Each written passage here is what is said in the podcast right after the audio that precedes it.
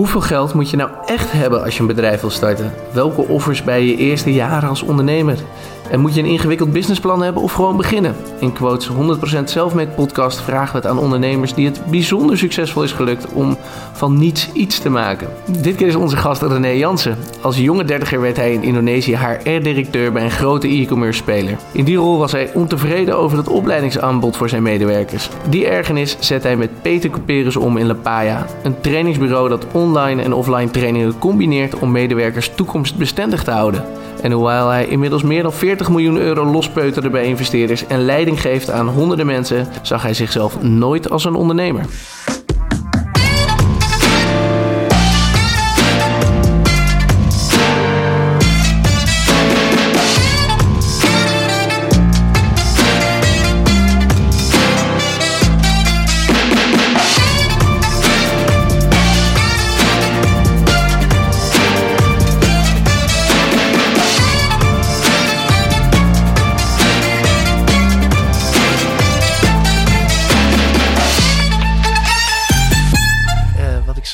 Hebben het nooit over gehad. Je hebt de neurofilosofie gestudeerd. Wat is dat? Kun je, en waarom ben je dat gaan doen? Ik vraag deze jonge man vijf minuten geleden. Je gaat geen onverwachte en moeilijke vragen stellen. Nee, nou eentje, dat is de laatste van de dag. Waarom? Joh, ik heb... Uh... God, waarom? Dit is echt een hele moeilijke vraag die je nu stelt. Um, ik, nou, eigenlijk misschien is het wel gekoppeld aan wat ik nu doe. Ik ben in die end, ik ben ooit begonnen met natuurkunde. Um, dat heb ik ook afgemaakt. Maar um, dat was wel een beetje theoretisch. Nou ja, en toen moest ik er nog een richting bij kiezen om een master in te gaan doen. En toen dacht ik, de manier waarop mensen denken, waarop ze zich ontwikkelen, uh, vind ik eigenlijk interessant. Nou ja, neurofilosofie is eigenlijk gewoon heel simpel. De combinatie van hoe werken hersenen en hoe maken wij daar, komen daar ideeën, constructen uit voort. Nou ja, dat vond ik toen interessant. Uh, ik moet ook zeggen dat ik er niks meer mee gedaan heb. Ik heb die scriptie inggeleverd. Ik heb er een cijfer op gekregen. Ik ben in het vliegtuig gestapt en een half jaar gaan reizen. En dat was mijn laatste neurofilosofie. Maar... Uh, ja, ik kan het iedereen aanraden en niemand aanraden. Je hebt er niks aan, maar het was een hele interessante periode. Ja. Kijk, nou, ja. heel goed. En toen uh, ben je de consultancy ingegaan. Ja. Ja. Uh, ja, beschrijf eens even het traject. Wat, hè, wat wilde je ooit ondernemer worden? Was dat een voorportaal? Nee, helemaal niet zelfs. Ik wel gezegd, ik zou nooit ondernemer worden, want daar heb ik te weinig durf uh, en te weinig ondernemerschap um, voor. Nee, ik wist, uh, nou ja, op dezelfde logica dat ik neurofilosofie niet wist waarom ik dat ging doen, wist ik toen ik afgestudeerd was ook niet wat ik moest doen. Maar ik had dus een stuk natuurkunde, ik kon rekenen. Uh, ik had een stuk filosofie, ik kon erover praten. Nou ja, en dat vonden de grote Zuidas kantoren aan de consultancykant een, een goede combinatie. En daarmee dacht ik dus, uh, ik stel uit wat mijn keuzes zijn. Het kan nooit misgaan om een paar jaar in de consulting te gaan zitten. Dus ja. zo simpel was die, was die logica ook echt. En toen ben je in Azië uh, uiteindelijk bij een grote e-commerce speler beland. En daar is een beetje het idee voor Lepaya ontstaan. Een ja. uh, online trainingsbureau. Kun je eens uitleggen hoe dat idee is ontstaan? Ja, dus ik ben uh, vanuit consulting dacht ik op een gegeven moment... het is allemaal heel theoretisch, allemaal mooie meningen... maar laat ik mijn handen dus echt vies krijgen. Ik kwam in contact met een club Duitsers die uitgevloeid waren uit Rocket Internet. Die bedacht hadden, joh, er wonen een half miljard mensen in Zuidoost-Azië. Alle landen onder China. En die willen vast online gaan kopen als er maar een platform voor is. Want dat willen de Amerikanen ook en de Europeanen ook en de Chinezen ook. Maar als er geen Alibaba of Amazon is, dan gebeurt dat niet. Dus we zijn daarheen gegaan uh, met veel geld en hebben daar een platform gebouwd. Toen dacht ik, dat is leuk. Daar kan ik wat, uh, nou, kan ik eens leren wat het echt is om Mhm. dingen te gaan doen in plaats van daar meningen over te gaan hebben. Um, dat is ontzettend snel gegroeid. Dus wij waren in uh, vijf jaar tijd hadden wij 5000 mensen in dienst. Um, toen hebben we het verkocht aan Alibaba. En die vonden heel veel dingen hartstikke mooi. Maar die vroegen één vraag, uh, of één vraag bleef terugkomen. Waarom hebben jullie 0,1% van onze omzet en 5, 6 procent van onze mensen. Dat, die verhouding is heel onlogisch. Nou, en ik was, ik was in die periode tijdens de verkoop verantwoordelijk voor alle sales in Indonesië. Indonesië was ons grootste land. Ik had er 1200 mensen. En ik kon ook niet zo goed uitleggen waarom ik er 1200 had. We hadden er 1200 omdat dat zo gegroeid was. Nou, ik had veel debatten gehad met onze CEO, met ons hoofd HR. En lang verhaal kwam, kwam kort na die overname. Alibaba zei, jullie zijn fantastisch, jullie moeten door blijven groeien, maar jullie moeten ophouden, soort van armies aan mensen um, aan te nemen. Nou, ik uh, zal in alle openheid zeggen, ik zat heel dicht tegen de burn-out aan na die overname. Dus ik had gezegd, zodra de ink droog is, uh, zoek maar een opvolger, ik ga weg. Ja. Uh, ben er tussenuit gegaan, ben een week of acht of zo door Nederland gaan reizen. Ben dus met de vrienden van Picnic gaan praten, want die waren net een, hè, een platform in Nederland bouwen. Ben eens een keer rond gaan praten. En na een week of acht kreeg ik een belly van de CEO die zegt, joh, Uh, je bent nog steeds wel in dienst, ben je een beetje bijgekomen. En je had allemaal meningen over hoe wij op een andere manier met onze mensen moesten omgaan en efficiënter moesten zijn. Hoofd HR is opgesnapt. Waarom kom je niet tijdelijk terug en word je tijdelijk hoofd HR voor onze groep? En ga je een beetje helpen te integreren met Alibaba. En ga je misschien allerlei dingen waarvan je vindt dat het niet goed is, um, proberen te fixen. Niet omdat je veel van HR weet, maar mhm. omdat je wel weet wat er, uh, ja, wat er allemaal mis was. In ieder geval in het land waar jij verantwoordelijk voor was. En dat was het grootste land.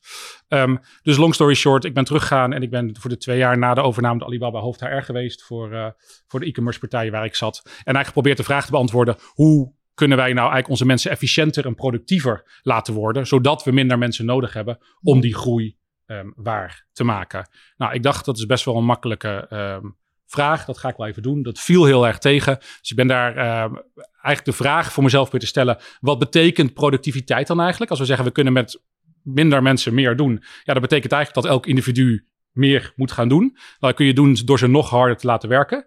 Nou, ik was niet de enige die dicht tegen een burn-out aan zat. Dus dat, dat was niet helemaal de oplossing. Dus het is veel meer de vraag: wat is nou iemand die goed is in zijn of haar rol? wat maakt nou een fantastische manager? Voor zijn goede manager, voor zijn slechte manager. als wij iemand uit de universiteit aannemen, wanneer is je nou echt productief en draagt die bij? En wat moeten we die persoon nou leren om dat echt bij uh, te kunnen brengen? Wat, nou, wat is het grootste uh, misverstand over een goede manager? tussendoor vraag. twee dingen, denk ik. Eén ehm, is dat het iets aangeboren is en dat het iets visionairs is. Kijk, je kunt echt geboren leiders hebben, maar een geboren, een geboren manager bestaat niet. Een manager die geeft gewoon heldere feedback, stelt heldere doelen, mm spreekt je direct aan als er iets misgaat, zorgt dat jouw eh, barrières voor je weggehaald worden. Die kan gewoon een aantal dingen goed. En dat is geen rocket science, maar dat moet hij of zij gewoon doen. En dat kun je aanleren. Ja. En ik denk dat dat om te beginnen uh, erin is. En de tweede is eigenlijk dat typisch de persoon die het beste was in zijn vak, dat is niet de beste manager. Hm? De beste salespersoon is niet de beste salesleider. De beste programmeur is zeker niet hè, de beste engineering manager. Dus dat denk ik het tweede. Um, ja, dus eigenlijk wilde je mensen productiever, beter maken. En, en toen? En uh, toen uh, vond ik dat alle partijen in de markt daar slecht in waren.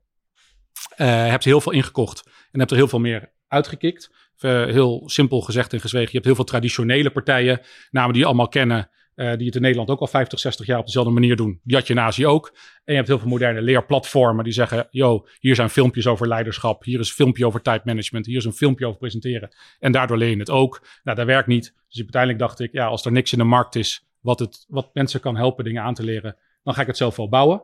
Nou, dat heb ik daar intern gedaan. Dus eigenlijk simpel de vraag geprobeerd te antwoorden, beantwoorden. Wat wat ik tegen jou zeg, wat maakt nou een goede manager? Wat maakt nou een goede starter? Wat zijn die vaardigheden? En dan, hoe kan ik dat mensen zo simpel mogelijk aanleren? Dat hoeft niet altijd door een week op de hei. Maar het is soms wel wat moeilijker dan iemand een filmpje of wat tips en tricks sturen. En dan gaat hij het wel doen. Het simpelste voorbeeld dat ik altijd geef is, als een manager voor het eerst een vergadering moet voorzetten, voorzitten. Dat is niet zo lastig.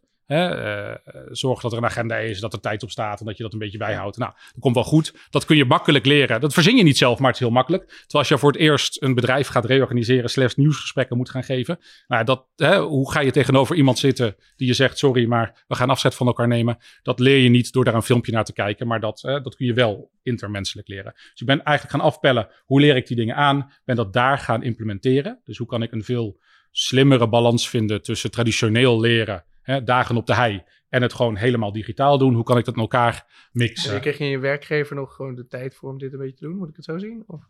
Dat was mijn vak. Kijk, ik was hoofd HR. Ik moest zorgen dat mensen productief waren. Dus ja. Dus uh, kijk, en we waren wel een ondernemend bedrijf. Dus als iemand zei, ach, we hebben dit nodig en de markt biedt het niet, dan gaan we het zelf wel bouwen. Dus zo simpel was het, uh, was het wel. Nou ja, uiteindelijk ben ik weggegaan daar. Uh, je moet mij niet bellen als je een hoofd HR nodig hebt. Uh, dus daar kwam denk ik iedereen na een jaar of twee achter. Toen ben ik teruggekomen naar Nederland en kwam ik een oud collega tegen.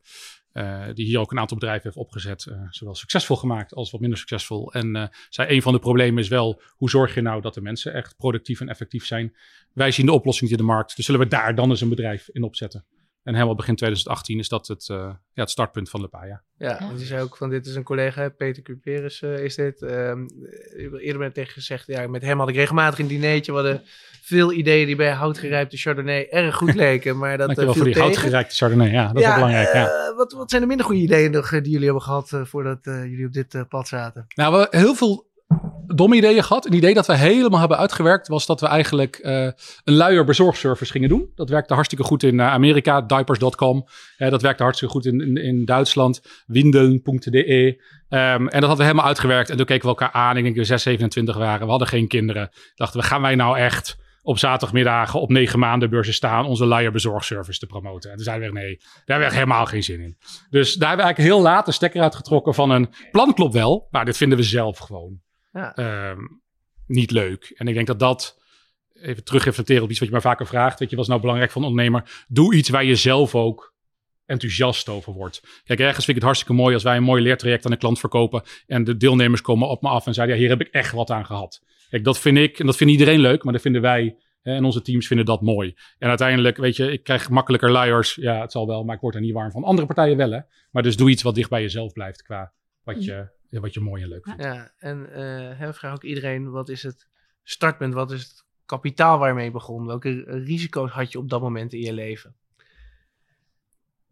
Um, nou, wij, ik had een aantal dingen denk ik wel goed gedaan in Azië, ook voor mijn manager. Dus die zei op een gegeven moment tegen mij, I owe you something. Dus als jij een klein startkapitaaltje nodig hebt, dan financier ik dat voor jou. Nou, ik zei tegen hem, you do owe me something. Dus we waren het daar vrij snel uh, over eens. Kijk, wij zijn geen techies, allebei niet, ik niet, Peter niet. En wij moesten een techplatform gaan bouwen om dat stuk van de leeromgeving uh, live te krijgen. En hij heeft eigenlijk gezegd, ik financier dat je dat met een externe partij kan gaan doen. Dus dat, dat hadden we. En daarnaast hebben we tegen elkaar gezegd, joh, we willen voorkomen dat we hier iets beginnen en dat we over... Um, weet ik veel, een jaar of twee of drie jaar, zeg maar, nog steeds met z'n tweeën in dat hokje zitten. En dan kennen we de grote doorbraak komt morgen. Dus either we go big or we go home. Dus we hadden vrij simpele doelen voor onszelf gesteld. Over negen maanden willen we extern kapitaal opgehaald hebben. Willen we minstens tien klanten hebben. Willen we, weet ik veel, minstens duizend mensen door het platform gehad hebben. En zo niet trekken we de stekker eruit. En dat hebben we voor onszelf opgeschreven en ook echt aangehouden. En dat hield eigenlijk twee dingen in. Eén, tijdens die negen maanden hoefden we er niet over na te denken. Gaan we hard genoeg? Gaan we niet hard genoeg? We doen gewoon totaal ons best. En als we ons doel halen, is het goed. En, um, en omgekeerd, het gaf heel veel rust. Want we hadden ook gewoon besproken, we betaalden onszelf niet. We hebben meer dan genoeg geld, voor, in ieder geval voor die periode, om onszelf te bedruipen. Er zijn geen zorgen. En we waren het daar beide over eens. Ik denk dat dat wel een, achteraf een hele fijne balans was. Om op die manier ja. ja risico af te wegen en, en, helderheid te hebben. En hoe snel hadden jullie die doelen behaald? Ja, iets sneller. Ik denk een maand of zes of zo waren we, ja. stond er geld op de bank, hadden we die klanten. Ja. ja. ja. Ja. Um, want eh, je legt het net al een beetje uit, wij doen het modern. Hoe, hoe ziet dat eruit um, als iemand bij jullie een training ingaat? Ja, mag ik echt inhoud in? Nee, mag ik voor jou nooit. Hè? Nee, ja, nooit. Nee, nooit. Nee. Eigenlijk heel simpel. Eigenlijk, als ik het heel simpel hou, dan zeggen we van elke vaardigheid, joh, laat ik zeggen, coachen is een belangrijke vaardigheid voor een manager. Ik coach mijn werknemers om beter te worden. Eén, wat is coachen? Wat is de theorie? Mm -hmm. Die kun je heel simpel leren door e-learning. Dan twee, ga dat maar eens oefenen. Nou, dat doen we heel vaak gewoon één op één zo. En dan gaan we je helpen niet uit een training weg te lopen met... yo, dat was leuk, ik ga morgen alles anders doen. Maar je komt terug op je werk en je mailbox ontploft en dat soort dingen. Dus je gaat helemaal niks anders doen. Maar hoe gaan we je nou helpen toe te werken naar dat eerste coachingsgesprek dat je dan ook gaat hebben met je medewerker. En dat je de theorie in de praktijk gaat toepassen. Dat doen we weer digitaal. Dus eigenlijk in het allersimpelste, het allersimpelste level elke vaardigheid trekken we uit elkaar in. Wat zijn de gedragingen? Welke stukjes kun je daarvan digitaal aanleren? Welke stukjes hebben we nog steeds gewoon mensen nodig om dat aan te leren? Want menselijk gedrag, nou ja, daar hebben we tot vandaag, hoe goed AI ook is, hebben we nog steeds wel mensen voor nodig om dat aan te leren. En hoe kun je dat uh, balanceren? En daarmee zijn we een stuk schaalbaarder dan traditionelere spelers. Zijn we ook goedkoper dan traditionele spelers, want die uren zijn duur. Um, ja. Maar zijn we veel impactvoller dan lui die alleen maar digitaal leren. Ja, hoe, hoe, dat is inderdaad wel grappig, want uh, uh, uh, mensen filmpjes laten kijken is natuurlijk inderdaad veel schaalbaarder, maar minder kwalitatief. dus hoe als ondernemer laveer je tussen kwantiteit en kwaliteit? Hoe... Ja, dat is heel lastig. Het is dat of lastig, dat is de grootste um, vraag. Dus we hebben het begin van, van de oprichting van een paar jaar een aantal waardes, values voor onszelf gedefinieerd. Daar van ons is één excellence en de andere is entrepreneurship. Dus eigenlijk, hoe goed ben je voor hoe snel kan je gaan? Die bijten. En het eerlijke antwoord is, daar is geen simpel antwoord op. Het is meer, in alle gesprekken met mijn managementteam gaat het heel vaak hierover. En het belangrijkste eigenlijk, hoe weet je met wie je welk gesprek moet voeren? Kijk, ik heb een inhoudelijk team dat trainingen maakt. Dat zijn onderwijskundigen. Je gaat het inneet vaak om de kwaliteit. Dus die moet ik heel vaak pushen over, ja, maar is dit nou niet goed genoeg? Kan dit niet nu al naar de klant toe? Developers hebben dat vaak ook. Hè. Dit kunnen we al wel releasen. Hè. Als de afgelopen zes maanden nooit iets kapot gegaan is nadat we het live gebracht hebben, then we need to release faster. Terwijl je typische commerciële team, ja, dat belooft de wereld. Hè, en dan moet het waargemaakt worden. Dus ik denk dat het veel meer is, heb het gesprek daar heel actief over. En als ik kijk naar de gesprekken die we hebben, dat is heel vaak dat. Ja, ja, ja. Ja, voor jou zat hier op de stoel uh, Pavle Bezic. Eh, Ja. Die eh, zei hier ook van ja, ik wil binnenkort sneller groeien. Ik wil 20 miljoen ophalen. Nou, die wilde omzet bijkopen. Ja. Maar die wilde dan ook van, nee, die had jullie verhaal gelezen. Van, nou, jullie hebben in totaal in drie of vier etappes, zeg ik uit mijn hoofd, 41,5 miljoen opgehaald. Ja, hoe doe je dat met investeerders zulke bedragen ophalen? Wat is het, wat is het geheim? Heel hard werken. Nee, ik denk het is, een, het, is een, het is een project aan zich. Dus je gaat het er niet bij doen. Je gaat echt zeggen, op dit moment ehm, hebben wij een businessplan dat we zo hard kunnen versnellen om zoveel geld op te halen. Door zoveel geld op te halen. Dan is stap twee denk ik heel eerlijk zijn en kijken welk type investeerder past daarbij. Er zijn duizenden, tienduizenden investeerders over de hele wereld. En, in Nederland er zijn een paar honderd. Welk type investeerder past er bij het risicoprofiel, de hoeveelheid geld die je hebt, bij het type product wat je aanbiedt. Ehm, daar ga je lijsten van maken. Dan ga je heel veel tijd besteden, veel, vaak, veel meer dan je, wij ook, van jezelf zouden doen om dat voor te bereiden. Zodat je eigenlijk gewoon gaat zeggen, hè, waarom is het voor die investeerder een goede reden om in ons te investeren? En het is gewoon een heel ander verhaal dan elke andere pitch. Het gaat niet om het product. Hè. Wat wil een investeerder weten? Hoe groot is de kans dat als ik je nu een miljoen of 20 miljoen of 50 miljoen geef, hoe groot is de kans dat dat over vijf jaar het tienvoudige waard is? Dat Ja. is wat hij wil weten. Zij Ja. wil weten, maar het zijn helaas vaak hijs. Ehm, en dat verhaal moet je ook echt vertellen. En je moet dus, net als bij sales eigenlijk, hè, snap wat de pijn van je klant is en probeer dat op te lossen. Nou, hun pijn is, we hebben geld op de bank staan en we hebben te weinig kansen om dat te vertienvoudigen. Nou, en je moet uitleggen waarom ben jij die kans.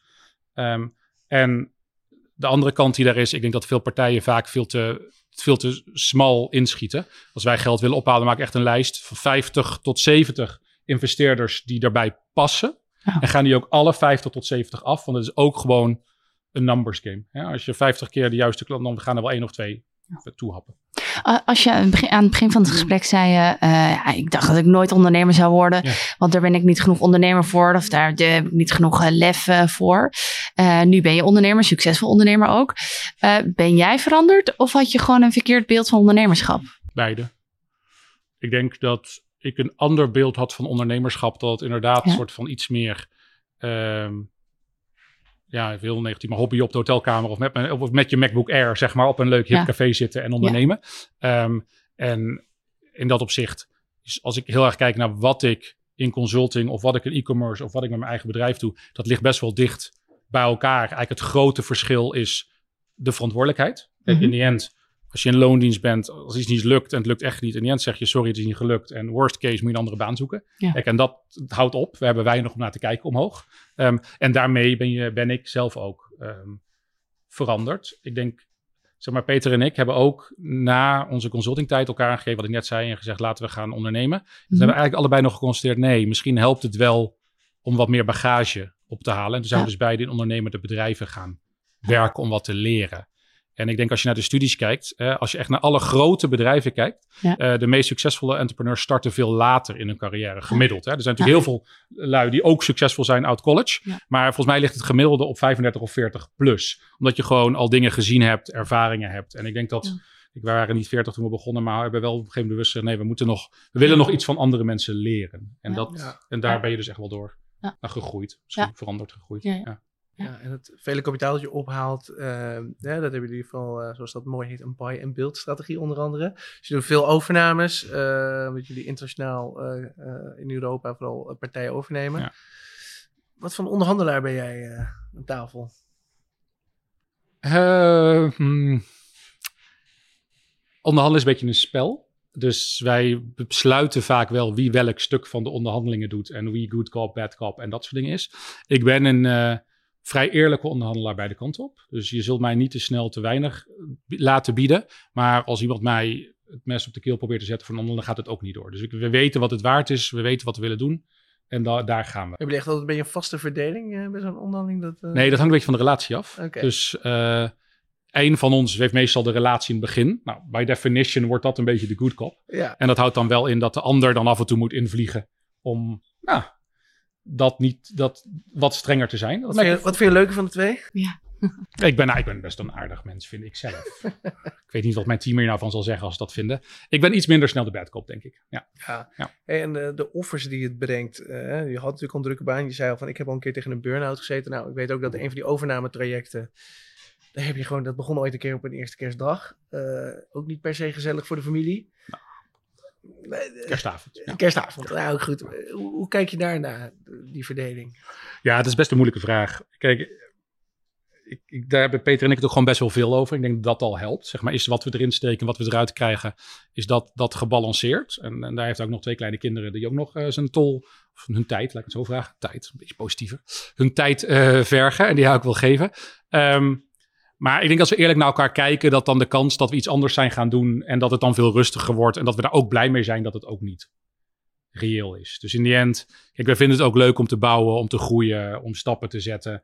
Ja, en dat past niet lekker tussen 9 en 5. En het grote verschil wat ik wel heb ten opzichte van, laat ik even, loondienst, Ja. is dat uiteindelijk als ik op een zondagochtend dingen zit te doen, of op een dinsdagnacht dingen zit te doen, is wel omdat ik denk dat het nu belangrijk is en nu moet. En dat is voor mij wel echt een heel groot verschil, dat omdat mijn baas mijn manager zei dat het nu moest. Daar was ik het wel eens mee eens, maar was ik het heel vaak niet mee eens. En nu 95, kijk, ik heb natuurlijk een board en een adviesraad en zo, die willen ook wel eens iets. Maar 95% van de gevallen nou, wil, willen wij het. En dat, dan is het ook minder erg om doen.